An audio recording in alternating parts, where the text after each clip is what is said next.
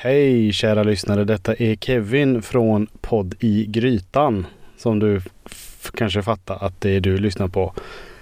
Eh, jag vill bara snabbt introducera det här avsnittet där jag sitter och pratar med Kalle Byström. Som är en vän och kollega till både mig och Mikael. Och som har ett förflutet som krögare.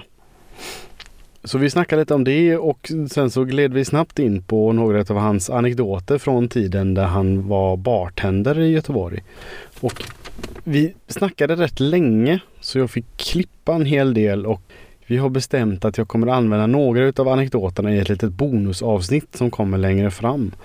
Men eh, nu får ni njuta av en riktigt schysst konversation mellan Kalle och mig. Och jag tror aldrig att jag har pratat så lite i en podcast innan. Men det är bra. Det betyder att Kalle trivdes och han hade mycket roligt att säga faktiskt. Vi vill bara passa på att säga att ni kan prenumerera på prenumerera på podden i iTunes. Har ni någonting att säga till oss, mejlat på hejpoddegrytan.se eller eh, kontakta oss via Facebook eller Instagram. Förutom det så vill jag tacka alla som röstade på oss till eh, podcastpriset. Som förväntat så vann vi ingenting men vi fick några röster och det visar att det finns folk där ute som bryr sig om oss och lyssnar på oss och vi blev jättetacksamma för de röster vi fick. Så utan vidare fördröjning, Kalle Byström. Varsågod. Du lyssnar på Podd i Grytan med Kemi Westfall och Mikael Krantz.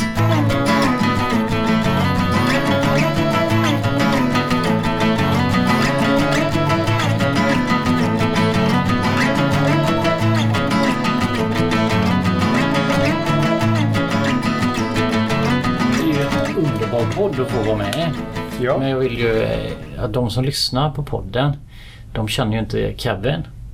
De vet ju inte vem Kevin är. Ja, fast vi har väl lite varit in på... Ja, man lär känna dig så men det är svårt och det finns inga bilder på dig. Nej, just det. Ja, det Nej. finns lite på Instagram. Finns det, Det, det gör det. Ja. För om jag skulle förklara dig Kevin så skulle jag säga ja, vad ska man ta de attributen? Men ungefär som en mm, bayersk tryffeldoftande öl eh, smakande Pacman-kille med en mjukporrsmustasch alla Milton. Ja.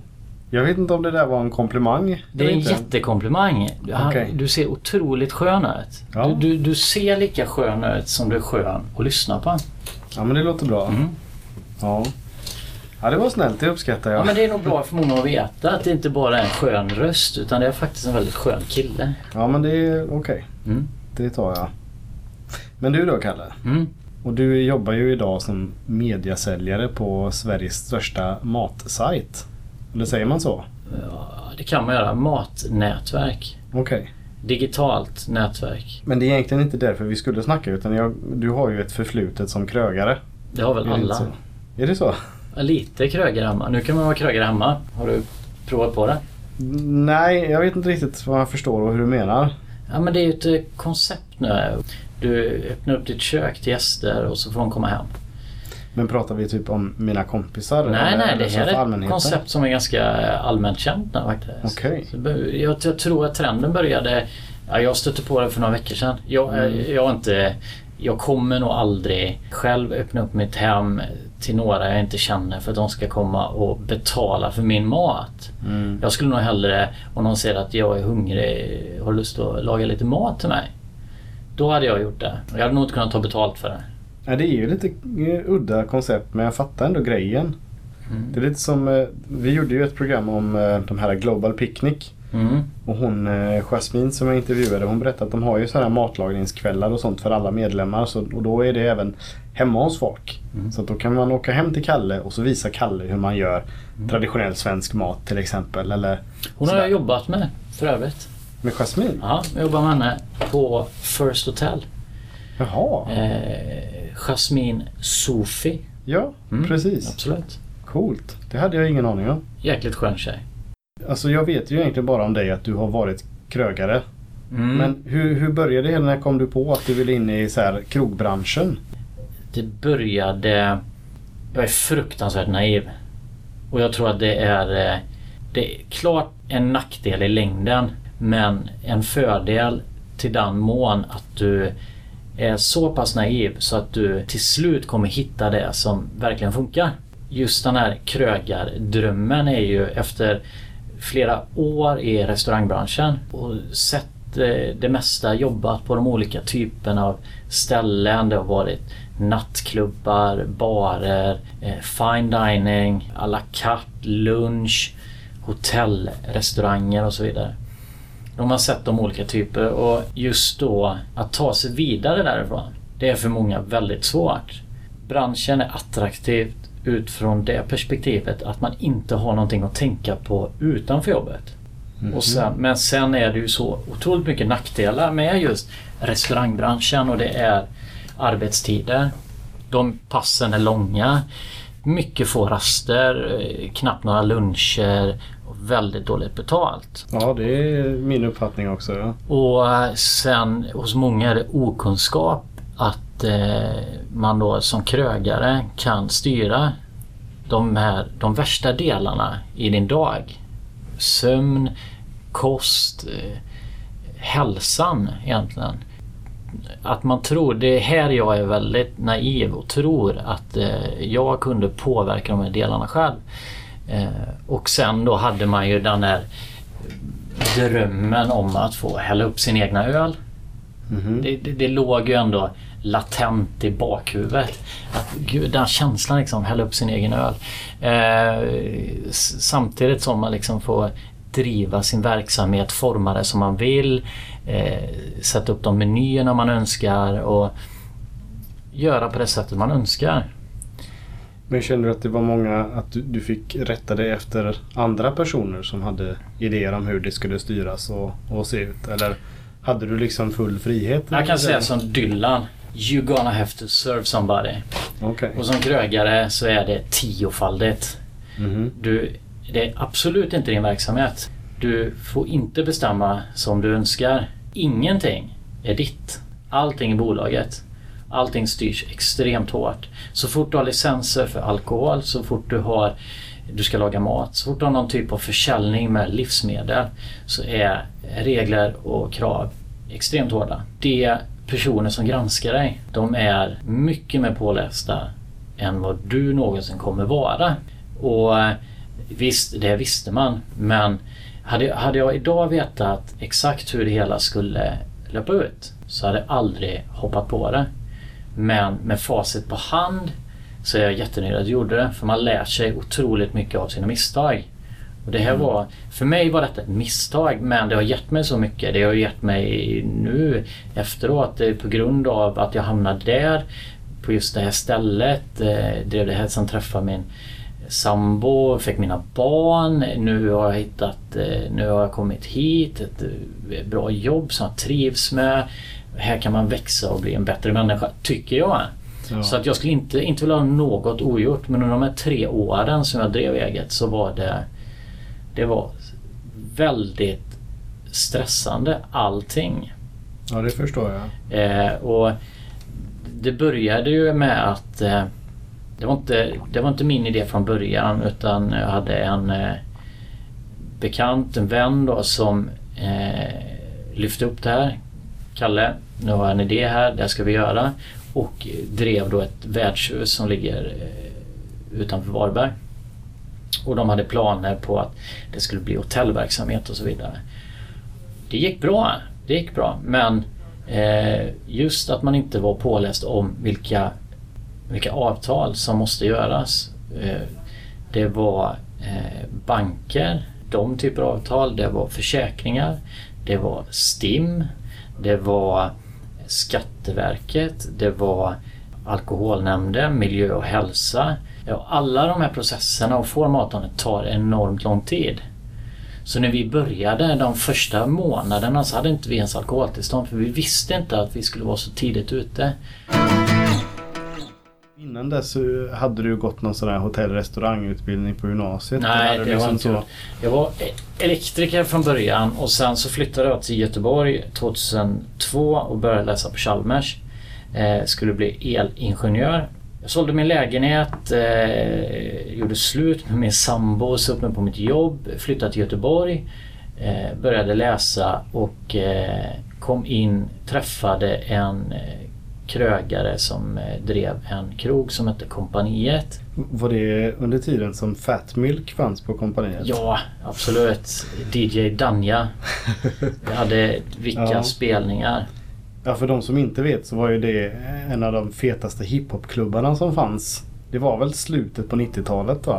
Eh, De var jättestora. Det var, det var... eh, Shit vilka konserter det var nere. Mm. Antilope var det, Petter, eh, Timbuktu. Stora namn redan då. Mm, Petter och Antilope var ju de största tror jag som var på Fat Milk. det. Det var extremt mycket attityd. Det var droger, det var vapen, det var mycket poliser. Eh, rätt, rätt häftigt att se faktiskt. Ja, alltså jag, jag kan säga att jag, jag var lite för ung för Fat Milk när det höll på.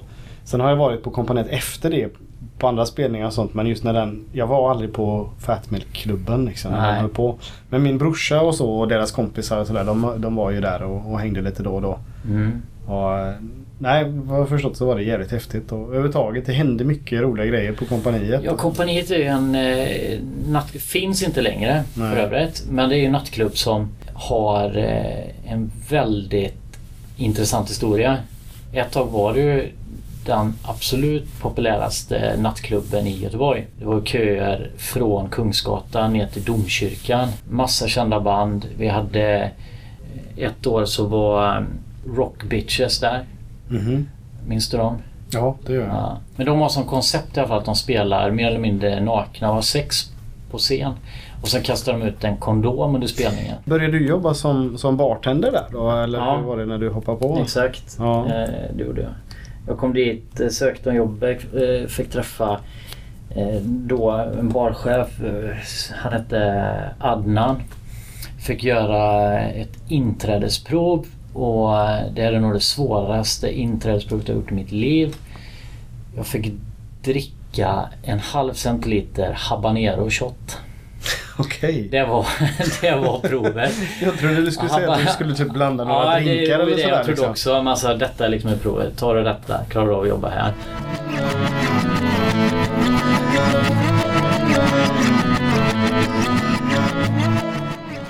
Men eh, mycket, mycket konstiga människor. Jag vet inte, var du på syntbar någon gång? Eh, nej, det var jag inte. Det var också eh, skumt folk. Det var ju syntare men Ja. eh, lite mer extrema skulle jag Eller Just det. ja, det beror på också igen vem du frågade. Men Mm. vi hade rätt många udda typer. Det, det bästa med syntbar var att det var så vänligt. Ja, Alla syntare är så snälla mot varandra. Eh, och jag minns en incident. Det var en tjej som hade gått ut med att hon hade fått eh, klamydia. Och syntbar var på onsdagar.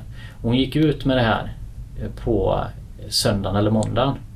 Då måste man, får man en könssjukdom då, i detta fallet, så måste man då enligt lag eh, berätta att man, eller inte att man har, men ja.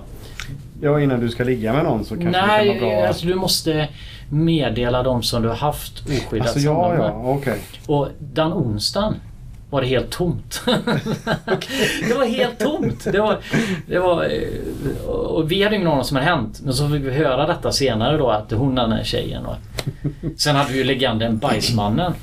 Ja, Mm. honom känner jag håller på att säga. Men eh, jag, jag har träffat honom och jag, jag har en, en kompis som känner honom alltså personligen sådär man säger. Mm.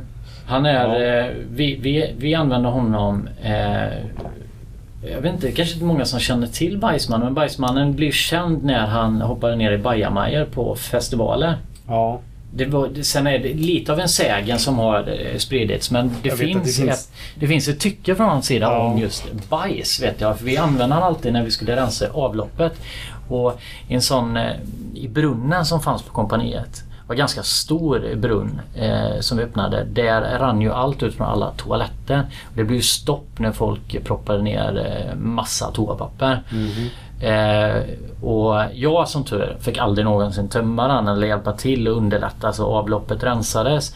Eh, men de som gjorde det böjde sig ner med, hade mask på sig, böjde sig ner in och så hade liksom en tång Men bajsmannen han hoppade ner. Han hoppade ner i brunnen. Okej. Mm. Och eh, med händerna då in i rören och slet ut de här eh, ja, eh, avfallet liksom. Bara slet ut det som fastnat och står och du vet när det släpper. Det blir ljudet. Ja. Det är det, det stod han och för, för detta då fick han en öl. Okej. Och man kan säga mycket om Bajsmannen. Hans intressen är väldigt udda eh, normen. Men man kan också säga att Bajsmannen han har extremt bra ölsinne. Mhm. Han, och han drack, jag vet inte idag, jag känner ju inte honom. Men jag har ju pratat med om att han gäst och så. Men han drack eh, bara Löwenbrau. Vi hade Löwenbrau på fat. Och fatöl, den kan ju ha lite olika smak beroende på hur eh, nytt eller gammalt fatet är. Och sen är det kolsyra som ska tillsättas och så vidare. Och eh, så stod jag ändå, det var inte att jag skulle testa honom, lite latet också, men jag kände att jag skulle tappa upp en Löwenbrau till honom. Så var den slut. Så tog jag, nu minns jag inte, tog en annan tysk öl. Alltså ingen känner skillnad.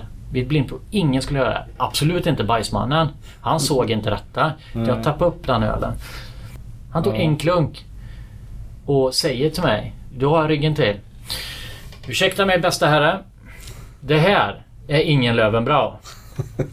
Och jag, jag kunde inte annat än säga nej, det är det inte. Och så förklarade jag historien. Nej, men fixa mig en Löwenbrau sa han. Jajamän. Så fick jag gå ner de här trapporna ner till undervåningen. Lyfta de, bort de tomma faten, sätta dit de nya liksom. Men Mm. varför, alltså i grund och botten varför jag inte gjorde det direkt är för att det är jättemycket kunder, jättemycket folk och jag ville bara vara snabb. Ja, det är klart. Eh, så det är nog många som beställer nu alltså som får någon annan öl. Men lura aldrig bajsmannen. Alltså jag vet gällande honom att han, han har gjort mycket fucked up skit. Han är ju liksom en, en gammal hårdrockare kan man säga. Som bor i Göteborg. Och de flesta, många vet vem han är. Men sen vet jag att det finns väldigt mycket myter om honom också. Och Jag minns alltså i början på tonåren när man hörde talas om honom. Var det massa historier som man hörde som där hälften var bullshit liksom. Mm. Men, men onekligen så var han ju en kille som inte hade något problem med äckliga saker. Sådär och eh, ja. Ja, han stördes ju inte mycket. Nej. Det var inte ens en, eh, en min han hoppade ner i avfallsbrunnen. Nej. Det, det, Nej men han, han har ju byggt upp någon slags eh, kult kring sig själv. Så. Och jag vet inte om det varit medvetet eller inte. Han har bara fått ett enormt stort rykte i Göteborg. är det bara Göteborg?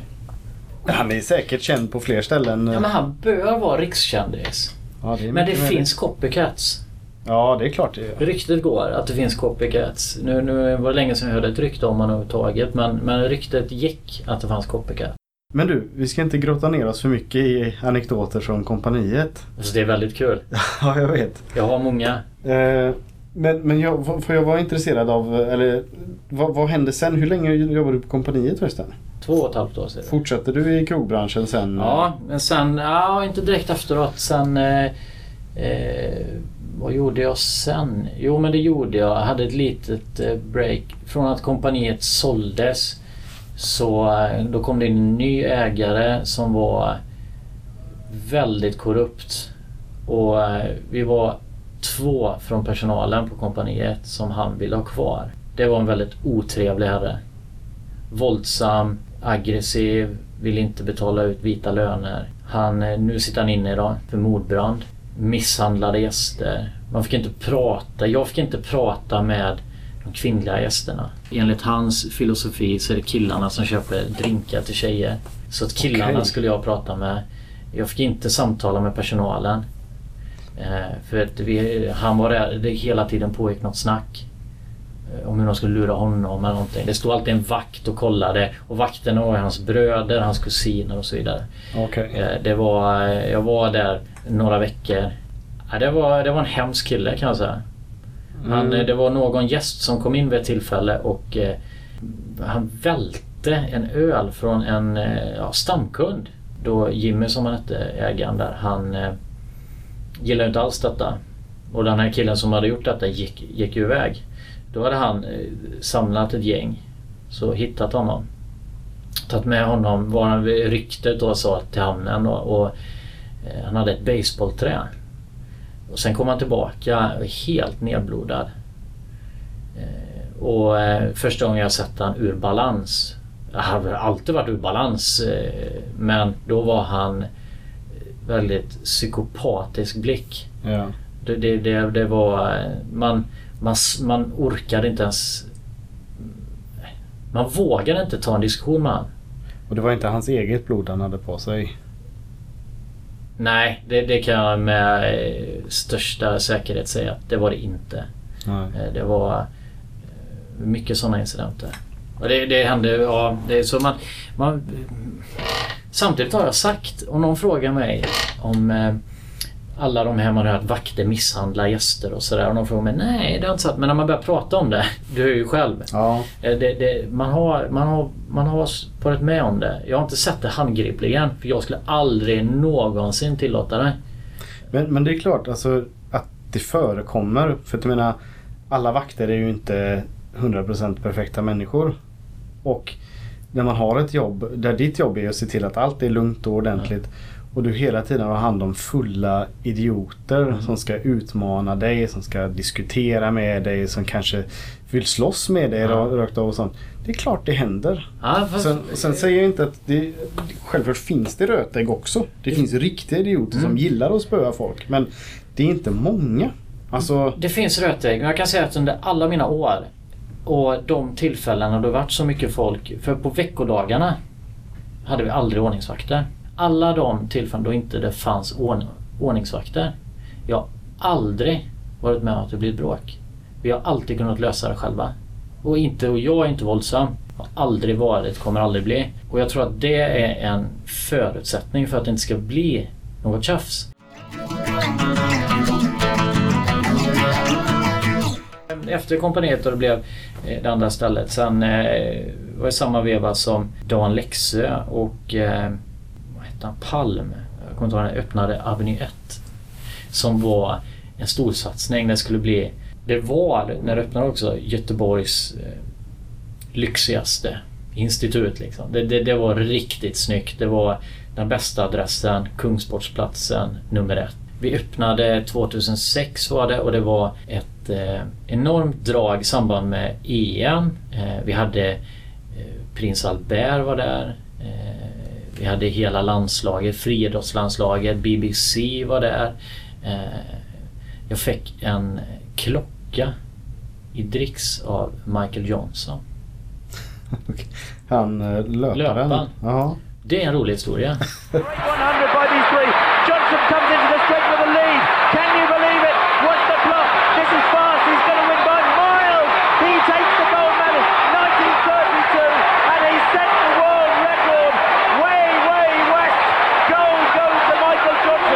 mycket roliga historier men Ja, det det är här är en klart. väldigt rolig historia. Det var en måndag, söndag eller måndag kväll. Väldigt lite folk. Det var ju fine dining. Felet på Avenyn är det var så fint. Inte ens, mina, inte ens mina bekanta som visste att ölen kostade inte mer än vad det gjorde på bryggeriet. Maten var inte dyrare än vad det var på... Det var billigare än de här fiskekrogen och sjömagasinet. Men det var så fint där inne. Du kom in som en hotellobby. Nej, det är liksom inte för en arbetarstad som Göteborg. Om Avenue 1 hade legat i Stockholm hade det funkat säkert jättebra. Men vi var väldigt många heltidsanställda. Jag minns inte om det var 30-40 stycken. Då stod jag en söndagkväll och jobbade själv i den lilla avgränsande delen som vi kallade... Eh, Nu kommer jag inte ihåg men det var en glasbubbla i alla fall. Och så satt Michael Jansson med hans eh, agent från Nike. Och han är inte... Han var ju inte aktiv då så han var ju där i någon form av sponsorskap säkert. Eh, och så kom eh, hans eh, agent ner och så frågade han mig Excuse me, eh, you know where we can go out and find some eh, nice uh, girls perhaps or uh, dance or something? Så. Och då satt det två, det, det var tomt förutom två tjejer som satt i baren. Kvinnor. Tjejer, kvinnor. De här var 40 plus. Så då, jag vet inte när man blir kvinna. Men 40 säger jag. jag vet inte. Ja, och så sa jag, bara- så sa jag till honom, men eh, de är två då. De är två. Det är jättekul. Och så började de prata. Och då kom Michael Johnson, då hade han varit på toa. Då kom han tillbaka och så började stod de och prata lite där. Och han stod upp Michael Johnson och jag blev så här. Ja, fan vad kort han är. Jag har alltid sett han som strutsen som springer. Och så, vad kort han är. Och han är så här, ja, lite så här, jag var lite missnöjd.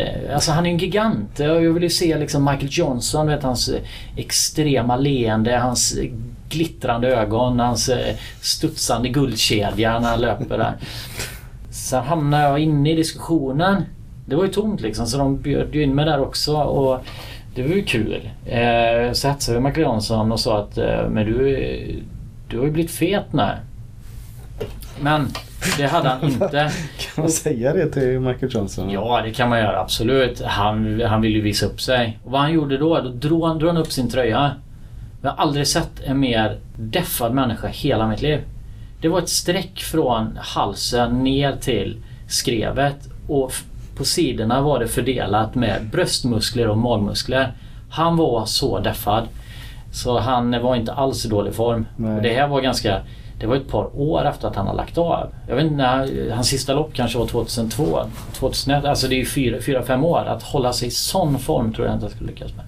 Och sen så gick de. Så drog, ja, var de åkte vet jag inte. Men sen dagen efteråt så kom de in en kvart innan stängning. Så kommer han fram, går han in i baren. Och det är så här kutym, så fjantig jag var. Det är kutym att eh, det är min arbetsplats. Liksom. Du, du går inte in i den om du är gäst. Och det är många som försöker gå in, man liksom trycker ut dem så här. Och, nej men lägg av liksom. Men vad gör man när Michael Johnson kommer in? Då går han fram och så sträcker han fram handen. I handen så har han en box där bara. Thank you for a great night. Så. För han är det ju inget värde. Det här var ju en reklampryl från Nike. En sån sportur.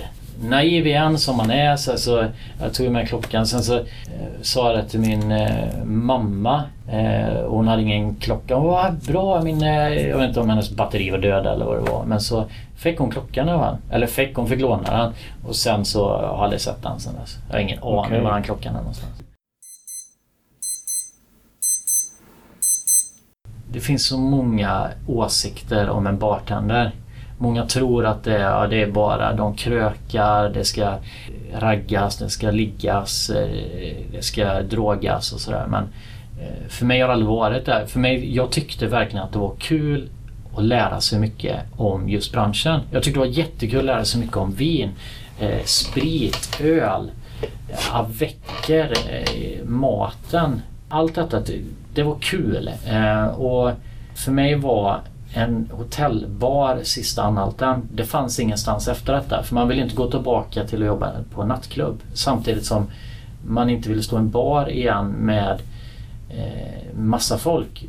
För på en hotellbar träffar du affärsresande som ofta är ensamma. Så de sitter i baren, man pratar man eller känner dem och man, de är återkommande hela tiden. Och du, du träffar folk från hela världen. Vi hade stora grupper från Ryssland, från eh, Japan, från Tyskland, från Italien, och England, Norge, Finland. Alla beter sig olika. Och då startade den här eh, grejen upp. Då, då min eh, partner sa att eh, du Kalle, nu har jag en grej vi ska göra. Och sen gick det väldigt fort. Jag, naiviteten i mig sa bara kör. Och det var då ni startade upp det här värdshuset Mm. utanför Varberg då? Vi löser allt eftersom. Ja. Och eh, det gjorde vi. Man har blivit extremt bra på att släcka bränder. Men det, det, det Vi jobbade konstant. Var, var det så att man var hemma klockan åtta. Då var det, gud vad ska vi göra idag? Det var en hel livstid på. Men man var extremt trött. Jag var Ja, helt likblek. Tappade extremt mycket vikt och ja, man mådde dåligt. Jag kände inte det. Jag är nog ganska tålig för sånt men, men min sambo som jag träffade då. Hon, hon eh, sa det, Kalle du, du, eh, du ser inte ut att må bra. Du ser knappt levande ut. Eh, Men känner du nu i efterhand att, att du hade kunnat lägga upp det bättre? Eller var det bara så det var? I din, ja, i din roll Nej, liksom? absolut. Mycket bättre. Ja. Du, du, måste, du måste vara mer påläst. Jag fick ju läsa in mycket.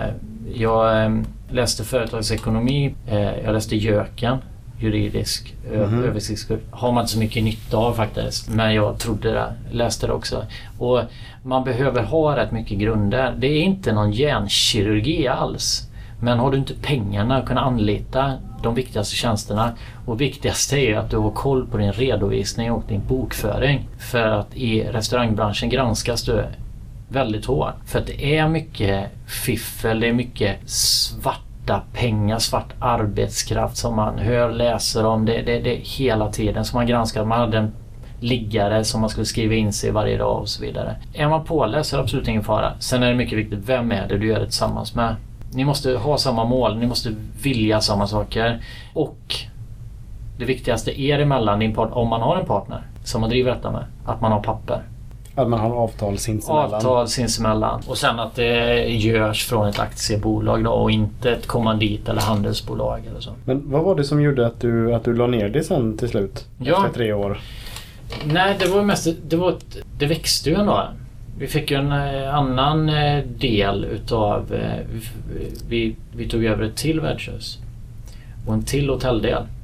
Och det blev väldigt mycket och jag vet inte, min sambo är väldigt snäll och, eh, men det var lite av ett ultimatum. Och jag tror hon menade allvar men hon sa jag kommer inte orka en sommar till. Jag var ju inte där. Nej. Aldrig. Jag, jag gick upp innan de vaknade. Jag kom hem när de låg och sov. Och eh, det funkar inte. Hon stod ändå ut och stöttade och allt är jättebra. Toppen verkligen. Men lite ultimatum och samtidigt då så trillade jag på det bananskalet som har tagit mig hit idag. Så den push, då, då var jag liksom ganska öppen för att prova i stort sett vad som helst. Så jag började på att koka ihop och eh, som sagt eh, kvar än idag. Och som det ser ut, jag kommer aldrig lämna. Det här är, det här är hur kul som helst. Jag har världens bästa arbetsplats.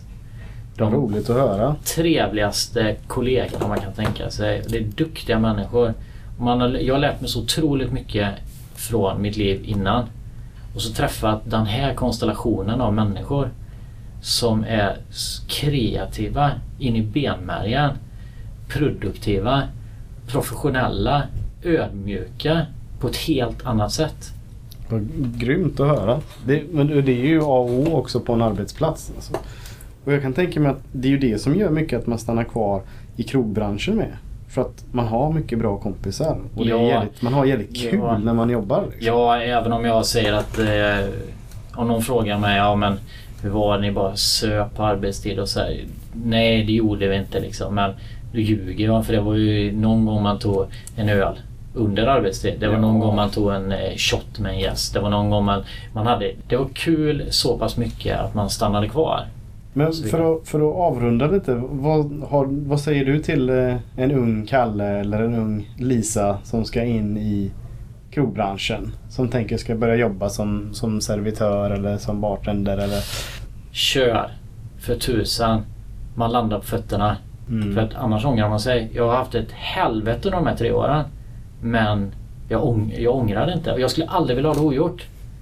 Nej. Då hade jag inte varit här.